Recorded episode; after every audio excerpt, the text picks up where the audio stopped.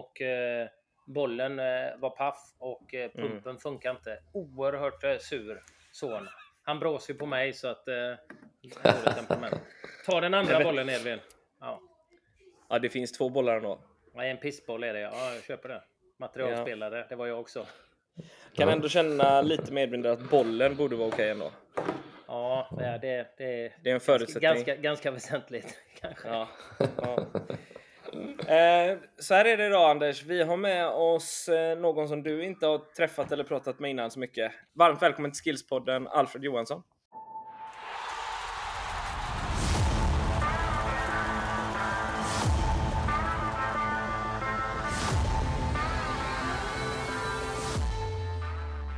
Stort tack!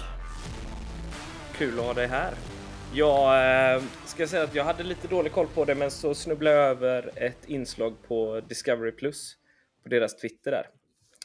Eh, och då tog jag kontakt med dig och frågade om du ville vara med och snacka lite.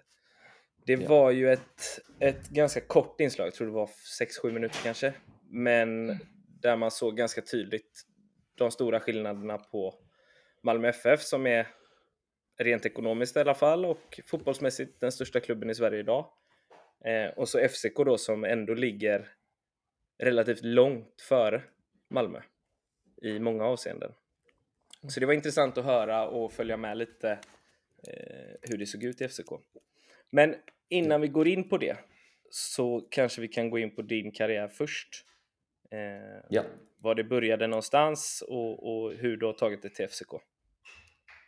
Ja, ja men jag um, börjar som, um, som tränare i Enköpings SK. Och det är 2010, 11, jag, ja, där någonstans. Mm. Så är jag där i ett och ett halvt år ungefär, så går flyttlasset till eh, Stockholm, eh, börjar plugga där. Och så, och så, så är jag, spenderar jag tre år i, i Djurgårdens ungdomsakademi på de yngsta, yngsta åldrarna där. Mm. Och sen eh, gick flyttlasset till, vidare till Köpenhamn där jag var i, eh, i tre år um, och jobbade på eh, U12, U13, U14 eh, under de tre åren. Och eh, sen gick flyttlasset tillbaka till Stockholm och så var jag i, eh, i AIKs ungdomsakademi i ett och ett halvt år. Um, och där var jag, jag tränade både pojkar 14 och uh, U17. Uh, var även med lite omkring U19 i en period. Um, mm. Och sen, sen gick flyttlasset tillbaka till Köpenhamn sommaren 2019, så nu uh, har jag varit fyra år igen här. och då har jag tränat U17 och, och sen i september U19. så, så det var lite snabbt hur det har sett ut. Ja, föredömligt får jag säga. Hur, hur halkade du in på tränarbanan? Oj. Jag gick och funderade på det i, i några år där innan jag hade fyllt 20 och, men, men liksom situationen var inte riktigt till det när man var 16, 17, 18 och sådär. Men, men, men sen, eh, sen så helt plötsligt så såg livet ut på ett sätt som Alltså då, då, det funkade helt enkelt med jobb och skola och sådana där grejer. Så då tänkte jag, ja, men nu är det dags att testa. Um, och så gjorde jag det där när jag var 20 ungefär. Uh, och, Spelar du själv då eller? Ja, men på, på låg nivå i, i Enköping. Uh, jag har spelat i Enköpings SK i, på ungdomssidan. Uh, mm. men, men annars i, i andra mindre klubbar i, i Enköping också. Så att ehm, ja, det, det var, jag, jag spelade men så nej, nu är det dags att lägga ner det. Och, mm. och testa på tränarbiten. Och det blev jag skapligt eh, biten av får man ju säga. Så mm. Um, har, har fastnat i det. Mm. mm. Det är inte tråkigt att träna. Anders, du fastnade aldrig i det efter din karriär? Ungdoms... Eh, ja. Eh, men jag tänker att eh, i alla fall så som jag känner det så har jag, jag, jag har spelat på elitnivå i, i 20-25 år liksom. Och man har lagt ner ganska mycket tid och, och, mycket av sitt liv på det. Och sen då därifrån gå in och, bli tränare där du egentligen lägger ner ännu mer tid. Du ska planera all träning, du ska förbereda allting. Det är ju ännu mer Mm. noggrant. De jobbar ju ännu mer. Mm. Och jag Mm. kände att jag har hållit på med det här i, i en bit över 20 år på högsta nivån och folk frågar mig om du är inte intresserad av att vara tränare och sådär. Nej, jag vet hur mycket det krävs. Det krävs ju ännu mer än att vara spelare liksom. Så att eh, jag är inte beredd eh, att, att lägga ner den tiden, för jag har inte den energin och motivationen att göra det. Jag hade det att vara spelare i över 20 år, men som tränare så behöver du ha motivation och lägga ner energi och du, du, du lägger ner ännu mer. Du lever ju nästan med det konstant. Mm. Mm. Så att, eh, nej, det, det har aldrig intresserat mig mer än att träna barn och ungdomar och, och hjälpa till eller individuell träning där man kan komma och hjälpa till med vissa bitar då och då. Mm. Fattar. Vi, eh, jag sa ju det till dig innan eh, Alfred, vi är ganska, vi driver ju skills i, i Sickla då, och där vi fokuserar mycket på individuell utveckling. Hur har fokusfördelningen sett ut för dig under din tränarkarriär i form av individuell träning eh, liksom, kontra ordinarie lagträning? Mm. Nej, men alltså, jag, jag har aldrig stått och, och bara eh, liksom eh, gjort individuell träning på, på sidan om eller något sånt där. Utan alltså det, det jag har gjort är att vissa spelare så där har man, eh, som, som man har haft i sitt lag har, har man eh, utanför lagträningen ibland kört lite individuellt med. Men det är liksom, men så stannar det också där för att eh, ja, vi, vi, vi försöker ju ha ett, eh, eller vi, vi, vi har ett, har alltid haft de ställena jag har varit ett stort individuellt fokus i lagträningen. Ehm, Mm. Så, så ja, det, det är så det har sett ut. Och hur, hur jobbar ni i ett lag med individuell träning då? På lagträningen? Är det liksom en stor Ja, men- stab som krävs? Visst är det så. Visst är det så. För det, det, det är ju... Alltså traditionellt sett så har ju individuell träning eh, kanske... Ja, men du ska stå och nöta någon teknisk eh, detalj medan det sättet som vi eh, pratar om individuellt fokus och individuell träning på hos oss. Det, där vi har försökt att, att, att nyansera det till lite fler olika delar än bara det. Ehm, så det innebär först och främst att vi, vi delar för, först och främst in det off och on pitch, alltså på och vid sidan av planen. Så att all, allt som händer bredvid planen det är eh, eh, styrketräning, eh, videofeedback, eh, vår psyko, sports, alltså psykologiska, idrottspsykologiska rådgivare heter det i Sverige. Mm, Eh, mm. Som, som jobbar individuellt med, med träning eh, med, med spelarna. Eh, och sen är det det som händer på planen är ju eh, där, där är det ju först och främst så ska man förstå hos oss så utgår träningsmetodiken från sättet vi spelar på vilket betyder att eh, det är liksom taktiska principer och, och koncept som präglar den individuella träningen mer än en, än en teknisk eh, färdighet. Eh, så vi, vi tror på att till exempel om en, om en mittback ska vara bra i uppspelsfasen så ska den spelaren eh, träna tillsammans med, med alla andra i laget på hur vi ska spela upp bakifrån. Han ska veta när han ska passa åt höger och när han ska passa åt vänster. Han ska veta när han ska ta med bollen fram, när han ska eh, vända på, på spelet och, och så vidare och så vidare och så vidare. När kan han eh, göra det ena och det andra helt enkelt.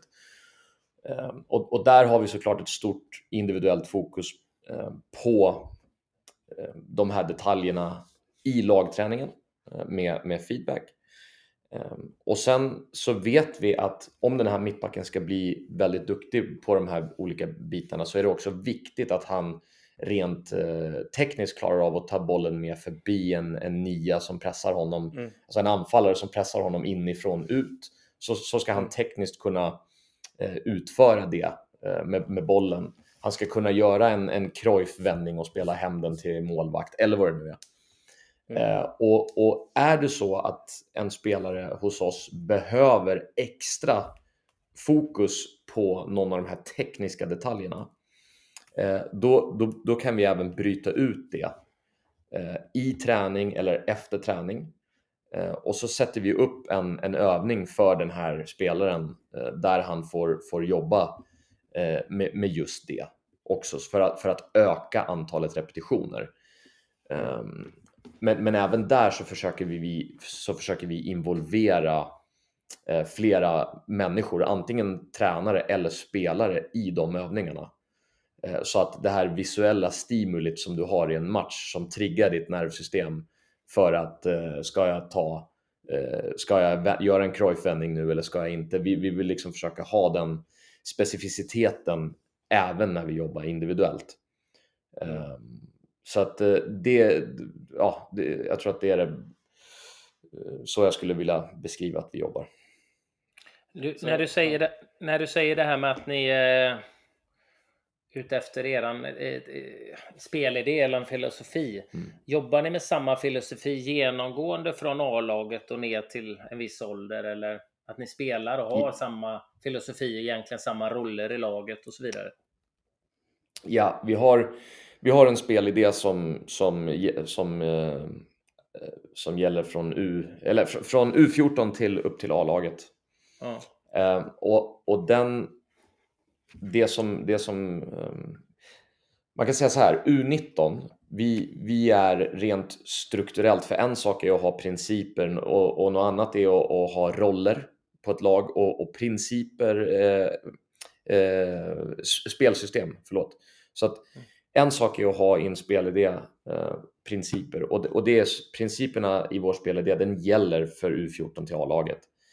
Ehm, Sen, sen så har vi strukturella skillnader, vi har vissa rollskillnader eftersom att från U17 och neråt så ser vi det mer som, som ett utvecklingsblock där vi, vi, vi, vill inte spela exakt likadant med exakt samma system på U14 som, som på A-laget eftersom att det, det är liksom, eh, det, saker och ting hinner ändra sig innan de här spelarna har kommit upp.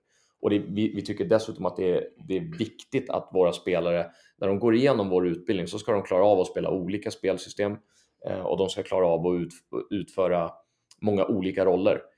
Eh, så att på det sättet är, är vi, vi, i Danmark så kallar man det att det, eller vi liksom pratar om det som att den är åldersrelaterad spelidén. Så att eh, det, vi, håll, vi försöker hålla utbildningen lite bredare Eh, mm. på, på U14 och på U15 och på U17 än vad vi gör på U19 och, och, och A-laget. Då. Mm. Men, men det som är, är, genomgående det är principerna och det som är genomgående är att alla spelare från U14 upp till A, de ska, de ska liksom klara av att spela i vårt 4-3-3. Men sen kan, men sen kan eh, U14 välja i ett halvår att spela 3-4-3, absolut. För att man tycker att det är det bästa för, för den gruppen och, och deras utveckling. Hur upplever du, eh, du har ju varit i, Sverige också, upplever du att Sverige jobbar på det sättet, de stora klubbarna, eller att det jobbas lite annorlunda där? Har du någon inblick? Du har varit i både Djurgården och AIK, och det är kanske svårt att säga. Men, eh, för jag upplever, ja, jag, jag, kan jag... uppleva, när, när jag själv spelade, när jag spelade med Elfsborg, så kunde jag att det fanns nästan olika grupper i, i ungdomslagen, de olika ungdomslagen. Mm hela vägen upp på mm. A-laget på ett annorlunda sätt egentligen. Att det var, nästan levde sina egna liv. Eh, I alla fall mm. då. Sen har det säkert utvecklats. Men det är, man jobbar ju ändå för ja. att utveckla spelarna i den ålder som du pratar om. Och sen när du kommer högre mm. upp så gäller det att utveckla dem och förbereda dem för att klara och ta nästa steg upp till U19 och sen upp till senior och så vidare. Ja, alltså jag, jag, kan ju egentligen bara prata om, om den erfarenheten jag har och, och så hur det ser ut idag i, i, i de här olika klubbarna, som, dels som jag har varit i, men i, i andra svenska klubbar, det, det har jag svårt att, att uttala mig om. Men vi hade inte ett spel, ett, ett, eh, ett spelidé-dokument eh, som är, är lika eh, utförligt som, som här när jag var i de eh, klubbarna i Sverige som jag var. Det, det, det hade vi inte. Det fanns vissa grejer som, som var nedskrivna på, på ett principiellt eh, plan. Eh, men, eh, men, men annars så, så, hade vi inte ett dokument som, som eh, alla jobbade utifrån eh, i, i planering av träning på det sättet som jag, som jag har lärt mig att göra det här då helt enkelt. Mm, Okej. Okay. Vad, om vi går på träningsdelen igen då. Vad, märkte du någon större skillnad när du lämnade Sverige och kom till FCK? Absolut. Intensitet, alltså det, det, alla de här sakerna. Ja, ja men det, det, det, var en av de absolut. Jag har fortfarande eh, liksom eh, skriv, jag har nedskrivet från när jag kom hit första halvåret. Jag bara skrev massa reflektioner och jag satt faktiskt och läste det för, här för någon vecka sedan. Och, och jag minns det så tydligt att, att när jag kom ner hit första gången så, så tyckte jag liksom att allting gick eh, ja, men det, det, känslan var ju liksom, och det, så är det ju inte i realiteten, men känslan var ju att allting gick dubbelt så fort. Alltså att det, det, det, var känslan när man, när man såg en träning. Det var, det var hårdare passningar, det var fler spelare som rörde sig samtidigt, det var hårdare tacklingar, det var, eh, du vet, he, hela, hela, hela paketet kändes som att det, var, som att det gick ungefär dubbelt så fort. Liksom. Mm. Um, så, så, så det är en, det är en och, det, och det tycker jag fortfarande är en tydlig skillnad att det, att, ehm, att det, att det förhåller sig så på ungdomsnivå, definitivt. Ja, och det är ju någonting som vi känner. Vi har ju pratat med några spelare som är, som är i utlandet, eh, bland annat eh, Salitro som vi har tagit upp som exempel flera gånger här nu, Anders, så vi kanske mm. får byta någon snart. Men eh, det var ganska målande det han sa. Han sa ju det att rent tekniskt när han kom utomlands första gången så var, då hängde han med. Mm. Men i intensiteten så var det enorm skillnad. Eh, både fysiskt och tekniskt utförande. Liksom. Vad, vad, ja, förlåt Marcus, kör klart. Nej, jag bara undrar hur, hur man tränar upp det och hur man sätter det i svensk träning. Och det är ju precis det du är inne på som jag också är intresserad av. Liksom. Hur mm. kan vi jobba med, med att få upp en högre intensitet, ett, ett högre mm. tempo på, på träningar och så vidare för att utvecklas på på samma sätt i Sverige. Vad behöver vi göra? För ett problem som vi har pratat om också massa gånger är att Sverige pratar man ju väldigt, väldigt, man är väldigt orolig om belastning. Och man pratar, mm. oh, nu har vi tränat hårt, nu måste vi ta det lugnt. Det är, känslan är som är utomlands, både i Danmark och i många länder i Europa, att de har högre intensitet, så de borde ju vara mer ja. oroliga. Och de klarar ju det utan, utan att det blir en belastningsproblem. Eh, ja. Ja. Ja, alltså. Det är klart att för, för det första så är, det, så är det viktigt att tror jag och, acceptera att det är ju inte en sak som, som eh, vi kan göra här. Vi kan inte skruva på en knapp för att liksom få upp intensiteten i, i, i Sverige.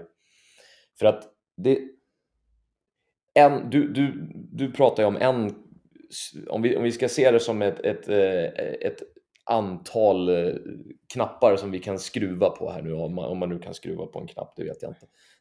Mm. men, jo, det, det men, finns sådana knappar nu för tiden. Det, det finns, det finns sådana knappar. Ja, det det. Allt är inte Kör. touch idag. Nej, men det, det, det är ju liksom... Eh, är du rädd för belastning, eh, då, då, då har du ett problem, det är det ingen tvekan om. Och, och, och kan vi göra någonting där i Sverige? Det är jag helt säker på. Eh, jag, jag har hört eh, vissa tränare nu i allsvenskan som pratar om att vi måste träna hårdare eh, och så vidare. Och det, och det är definitivt en, det, det, det är en skruv att skruva på, en, en knapp att skruva på. Alltså det, ja. det, det, är definitivt en parameter att vi tränar längre, eller, eller så här, volymen måste vara, vara, högre, det är jag helt övertygad om. Eh, och det här gäller ju, nu pratar vi, nu generaliserar vi för, över, över svensk... Det gör vi alltid.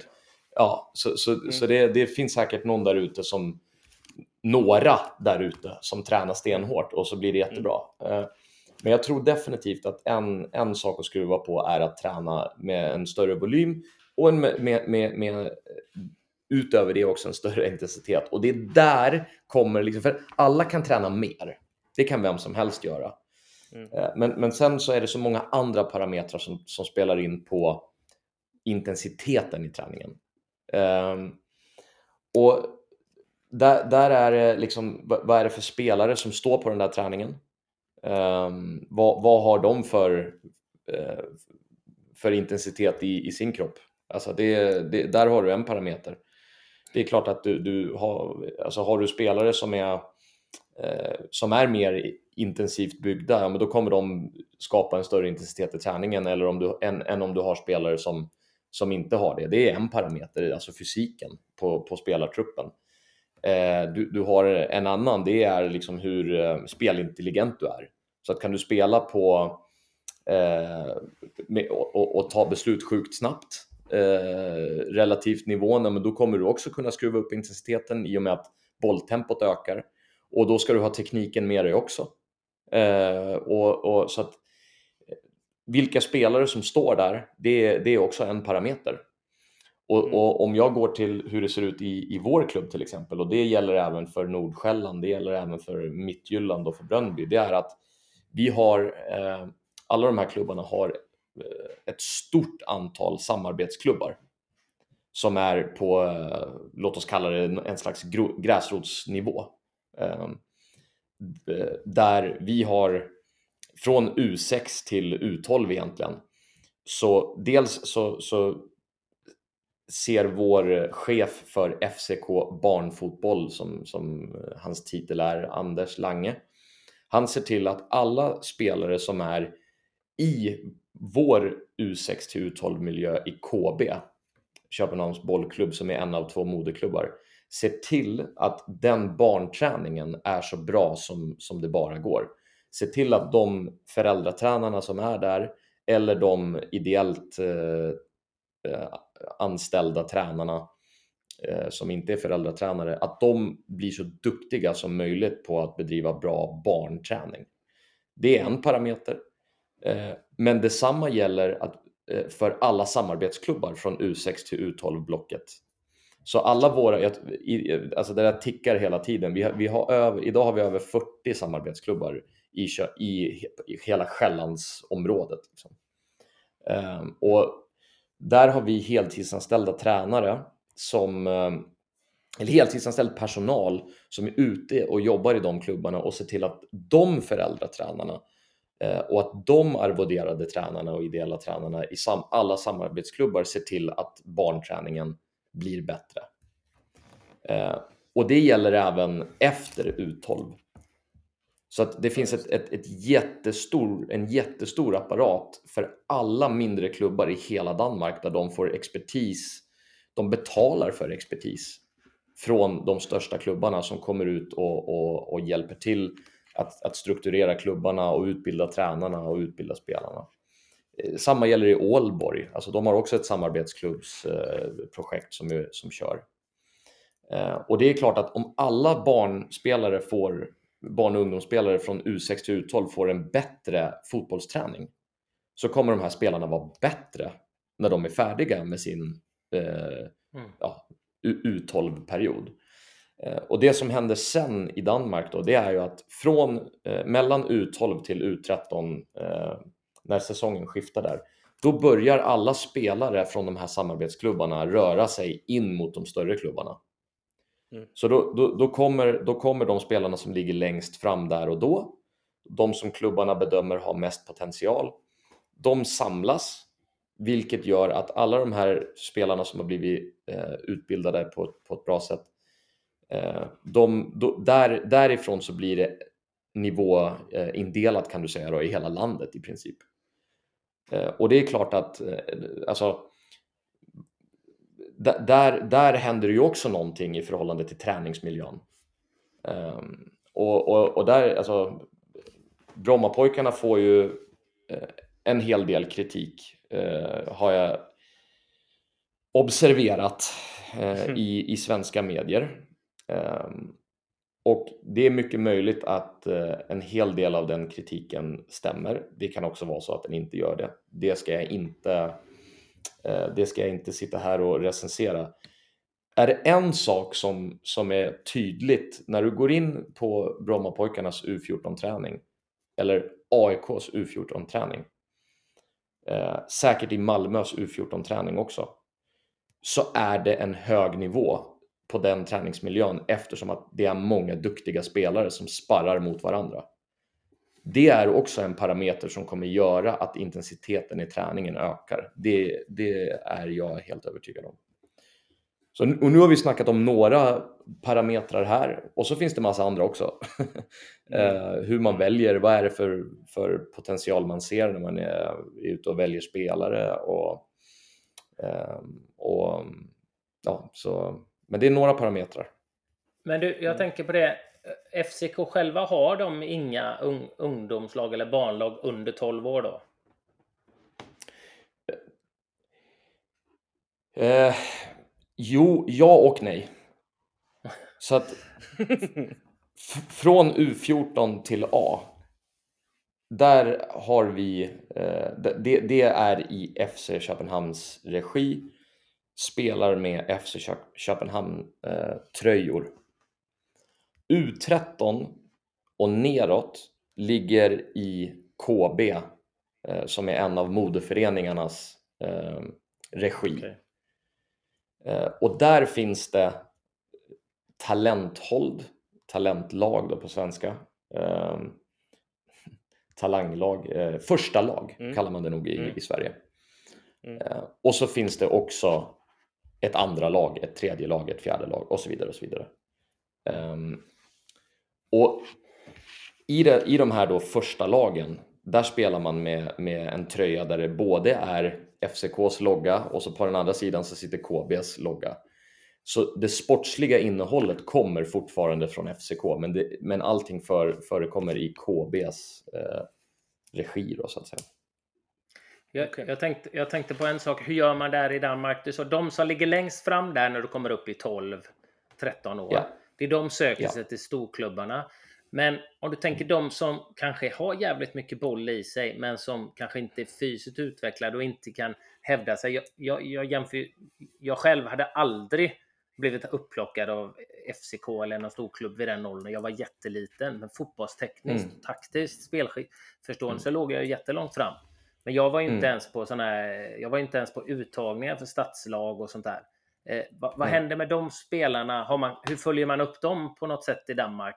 Om de i, i 12-13 mm. års ålder inte är aktuellt att gå till en större klubb. Mm. Följer man, för det verkar ju som att det är nästan de stora klubbarna då som spelar. Alla de bästa går dit. Finns det någon, mm. ens någon breddverksamhet eller någon chans för de andra klubbarna och de andra spelarna som ligger efter? Oj ja, oj ja, det gör det. Alltså det, det, det fortsätter ju. Eh, så att det är inte så att vårt team som jobbar med samarbetsklubbarna att eh, från det att spelarna lämnar U12 så är det, så är det slut. Verkligen inte. Utan den här utbildningen fortsätter eh, på, ska, om vi ska kalla det någon slags nivå 2 då, och även nivå 3, mm. även, mm. även vidare upp i åldrarna. Och jag tycker ett, en, ett annat viktigt perspektiv i det där, det är ju också att nu, nu säger du att du hade aldrig blivit vald. Du hade aldrig blivit upptäckt.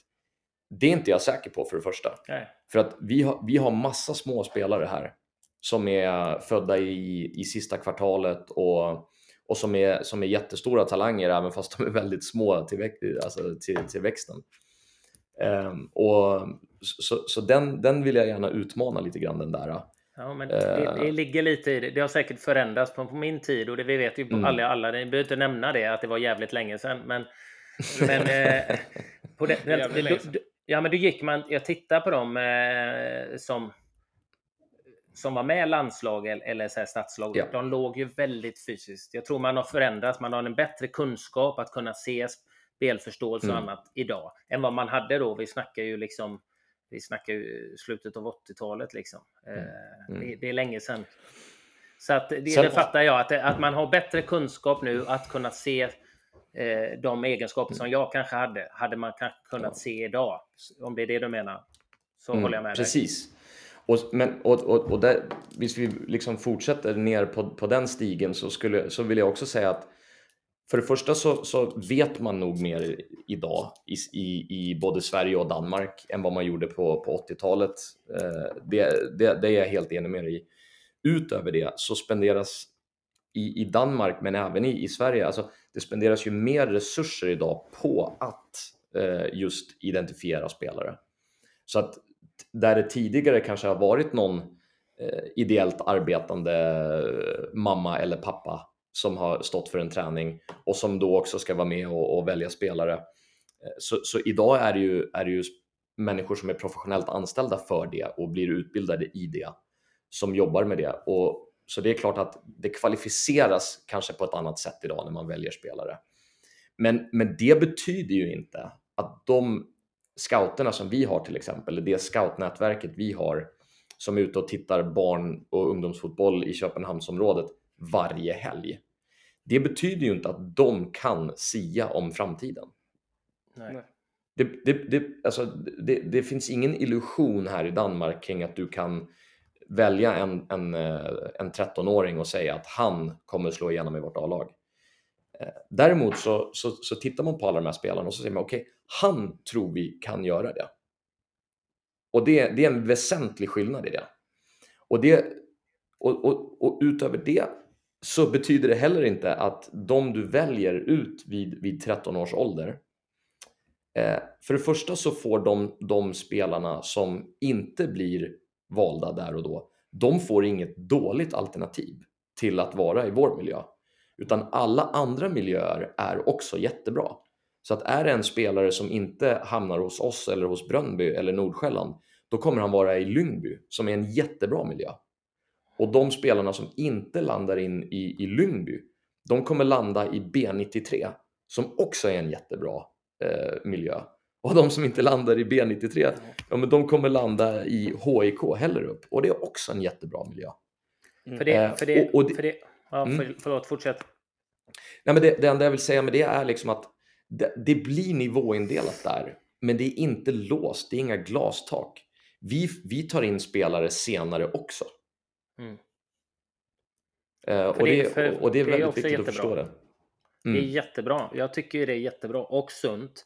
För det, det, mm. det märker man ju också när man ser ungdomsfotboll att vissa som har mycket i sig men är lite försiktigare och det kan ju egentligen räcka att någon av de starkaste i, den klubb, i det laget försvinner någon annanstans. Helt plötsligt tar de mer ansvar och växer och kryper ur sitt skal på något sätt och säger men herregud vad hände nu det här året liksom. Det är också intressant att ni, ni, liksom, ni, ni besätter inte era trupper där utan ni, kan, ni följer upp spelare och, som kan utvecklas senare och, och man tar in dem i ett senare tillfälle när de är redo helt enkelt.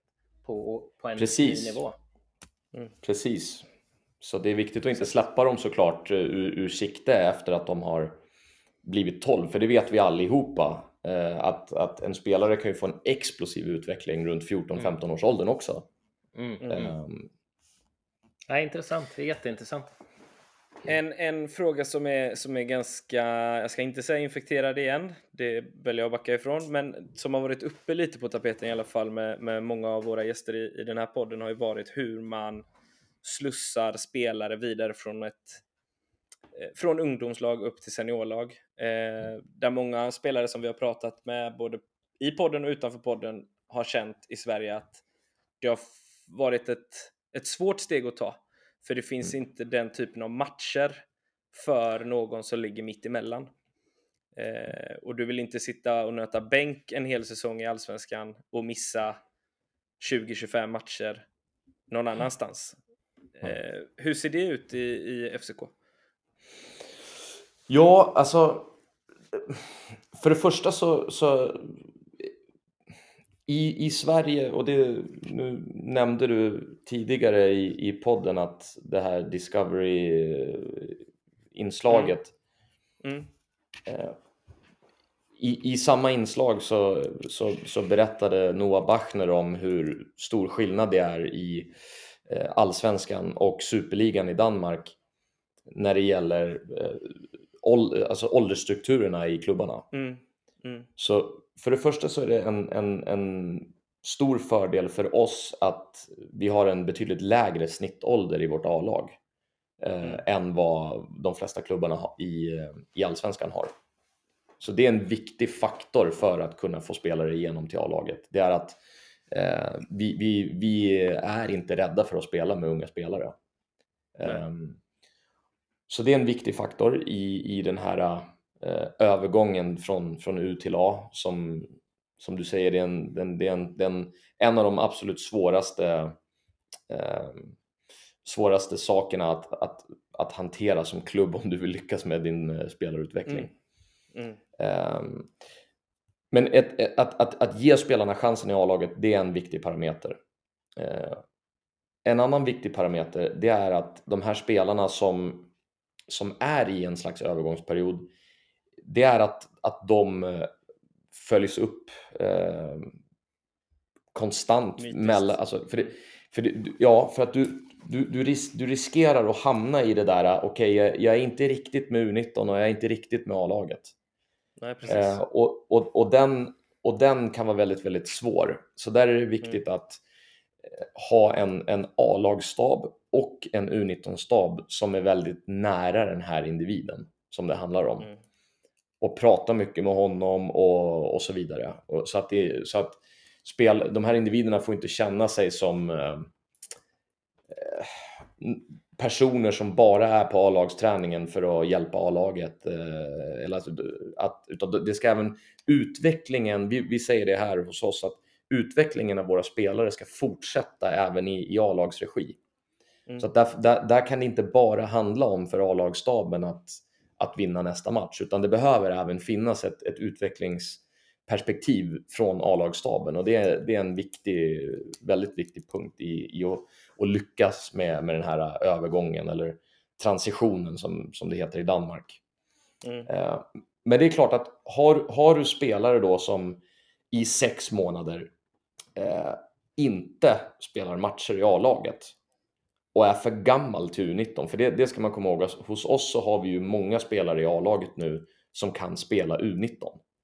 Eh, och har vi en, en väldigt, väldigt eh, bra match en lördag, men då ser A-lagsstaben, de ser ju till att prioritera att den här spelaren då får spela med U19 och kanske också träna dagen innan match. Och det här är ju någonting som spelaren, alltså, det, så jobbar vi i vår klubb. För nästa fråga blir ju ofta på det, ja, men hur tacklar de det då? Kommer de ner eh, till U19 och tycker att det är pyton? Liksom? Men nej, så, så är det inte hos oss, utan vi har U19-spelare som spelar med U17, vi har U17-spelare som spelar med U15, U15-spelare som spelar med U14 och så vidare. Och det går, så det går åt båda hållen det där.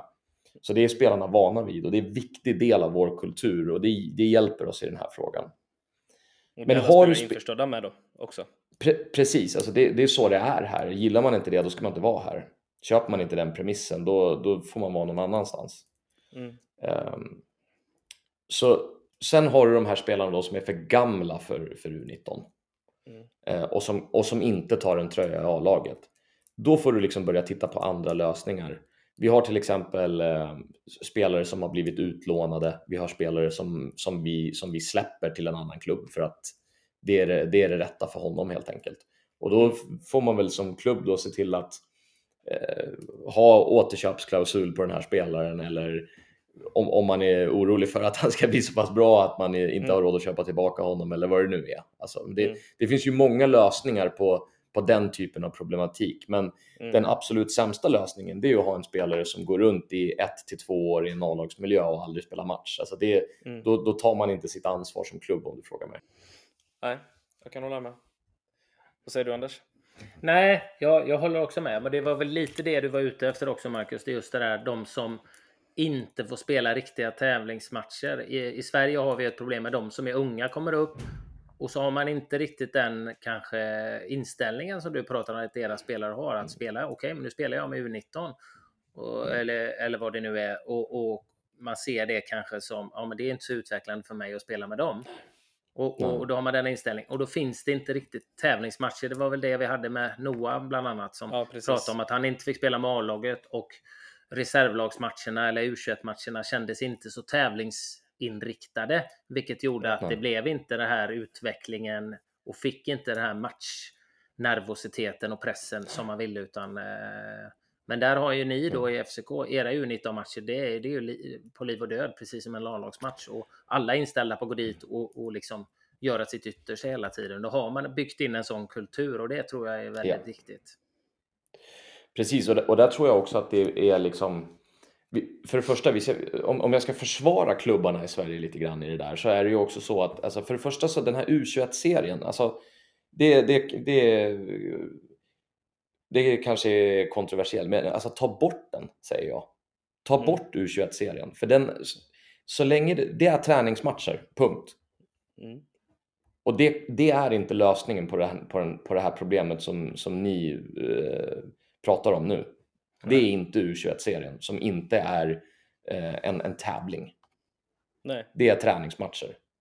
Eh, och för att ytterligare då försvara Sverige lite grann. Problemet i och för sig då, om jag ska vara kritisk, det är ju att eh, klubbarna själva har varit med till att bidra till att det inte har blivit bättre i lång, lång tid. Det är ju att det har varit en U19-serie som heller inte har varit särskilt eh, konkurrenskraftig i och med att det har varit norr och syd. Och det är fortfarande norr och syd, alltså den är indelad då i två, norra och, och, och södra. Det är ju U17 fortfarande. U16-serien är indelad i, i fyra eller sex tror jag, eh, regioner. Och det gör ju att de, alltså det, hur blir de matcherna då? Eh, ja men det, det, förstår, det förstår alla som lyssnar på den här podden att ska, ska vad heter det, en av de största klubbarna åka och möta en, en klubb eh, som inte är i närheten av att kunna erbjuda samma träningsmiljö eller, eller resurser, men då, då, kommer det många gånger att bli unfair. Liksom. Eh, och, och, så blir det inte särskilt tuffa matcher. Eh. Och utvecklande matcher. Och så kanske det blir, och så kanske det blir en, en klubb, eh, vi, vi mötte ju med mitt AIK-lag eh, mindre klubbar från Stockholmsområdet i, i, i U17 och då blir det, okej, okay, vad är deras chans att, att, att vinna mot AIK? Eh, hemma i, på en konstgräsplan som ligger i ett villakvarter någonstans utanför stan. Eh, det, det, det blir ju att ställa sig så lågt man överhuvudtaget kan i en 5-4-1 formation eh, och så bara spela på kontringar. Och jag är den första att säga att det ska de stora klubbarnas bästa spelare absolut också lära sig hantera. Men om det blir för många sådana här matcher, då kommer den, den, den totala fotbollsutbildningen för svenska ungdoms, alltså de bästa svenska ungdomsspelarna på U17 och U19 nivå, den blir inte lika bra som om det hade varit en väldigt konkurrens, konkurrenskraftig liga.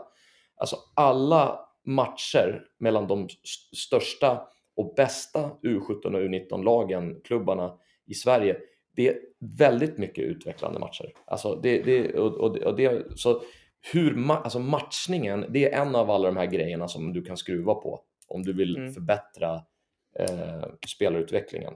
Och där, där mm. finns det definitivt någonting att jobba på i Sverige. Mm. Men är det så, vad sa du, när det var sex olika eh, serier i, från vilken ålder, vilken ålder var det? Var det U14, U15? Eller I, i, i, U16, I U16 i Sverige så är, så är den indelad i sex. fyra eller sex regioner. Om inte jag minns och U, eh, helt fel. U, U19 var det, sa det, var det, var det norr och syd då? Ja, den, är, den har så nu blivit, från och med förra året har den blivit en, eh, en rak eh, serie med, med hela Sverige involverat. Då. Ja.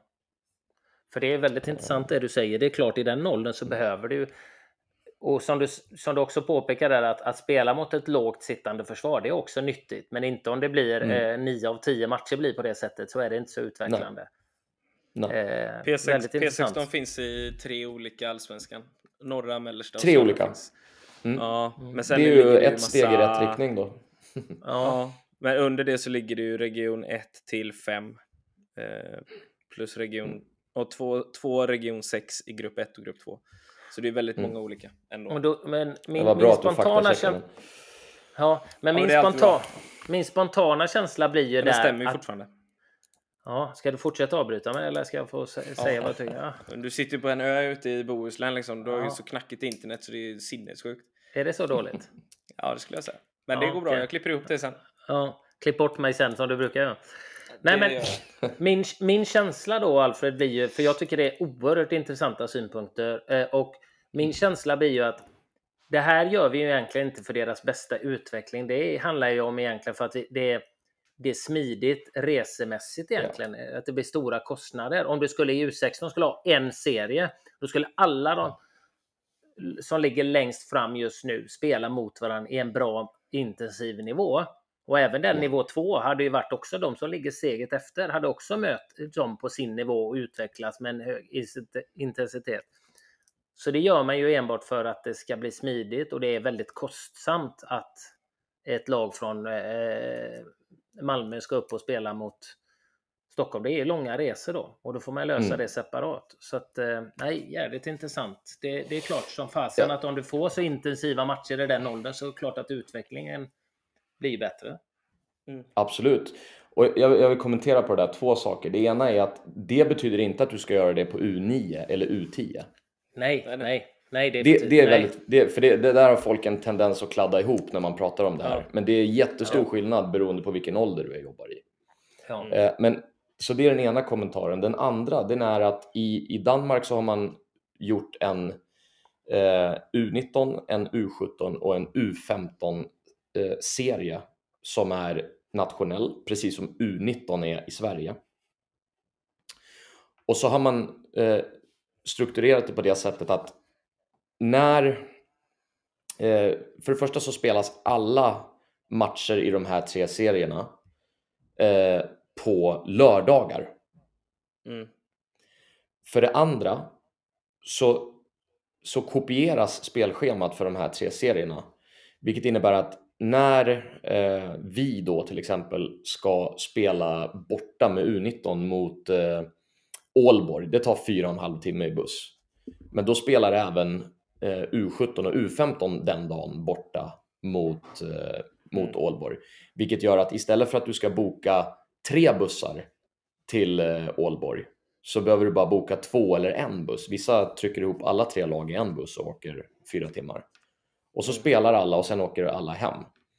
Mm. Eh, Så att det, det, det går ju även att liksom eh, få till det. Infrastrukturen går att lösa. Det, det går ju Precis. att lösa förutsatt att det är samma lag i de olika serierna då.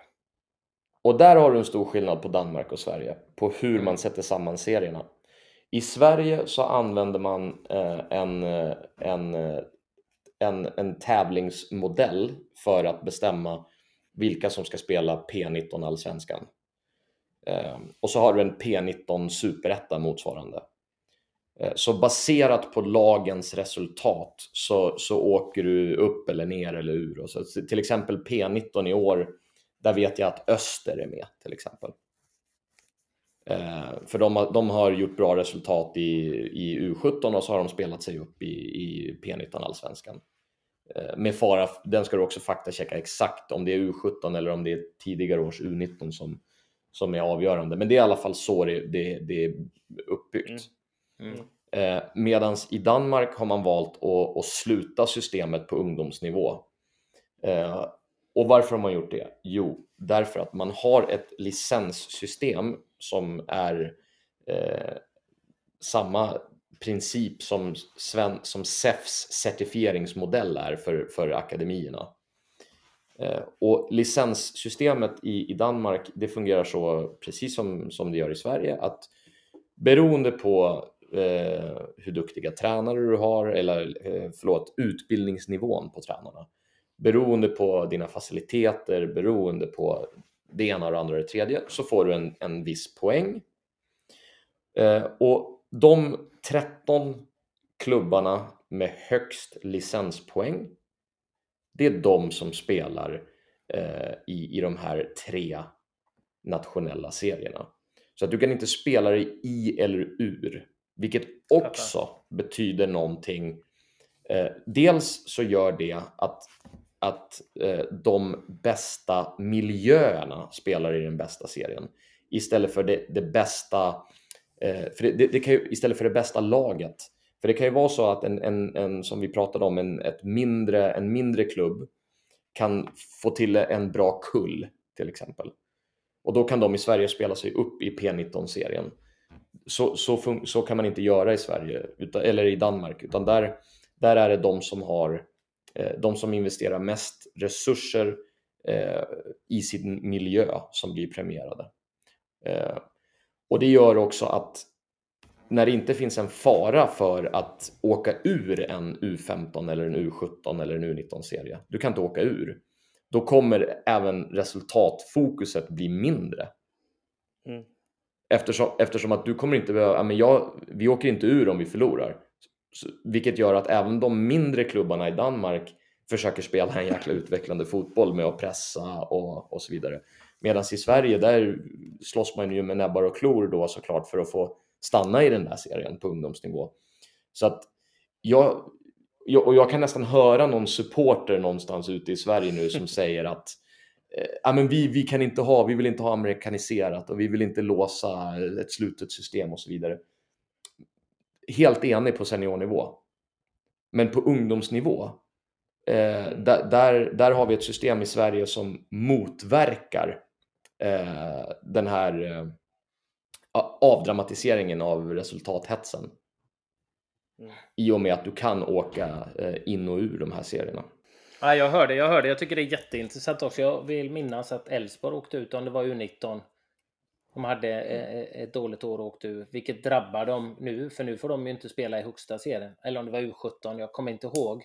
Men mm. eh, jag tycker det egentligen är vettigt. De som har bäst möjligheter att utveckla ja. eh, ungdomsspelare där de har de bästa ledarna som är välutbildade, de har den bästa miljön och de bästa förutsättningarna, borde ju såklart vara självskrivna i de föreningarna. Sen kommer det alltid vissa mindre klubbar som har en, one, alltså ett, en generation som är, som är jättebra och de kan, eh, ja. kan vinna mot de lagen. Men låt dem spela där och sen så spela matcher eller kupper mot de här lagen. För det, för det är kortsiktigt tänk och det, det som jag gillar mm. med det du säger och som är den bästa vinningen med det, det är ju just att det blir inte det här att du måste fightas för din överlevnad, utan du kan jobba mer med att utveckla. Istället ja. så ser vi många nu som vi måste hålla oss kvar i, i U17-serien, men mm. annars, annars är det förö, förödande. Så då, då släpper man inte upp spelare upp till U19 som kanske skulle utvecklas mest med att spela där. För att det är viktigt för oss Exakt. att få resultat U17.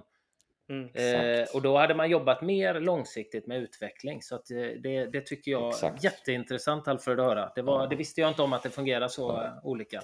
Tack. Um, och, och, och, och sen en annan grej det där och det är säkert också uh, jättekontroversiellt. Uh, men det betyder också att det här, i det här laget som du nämnde där och som, som har skrapat ihop eh, en bra kull i den lilla klubben.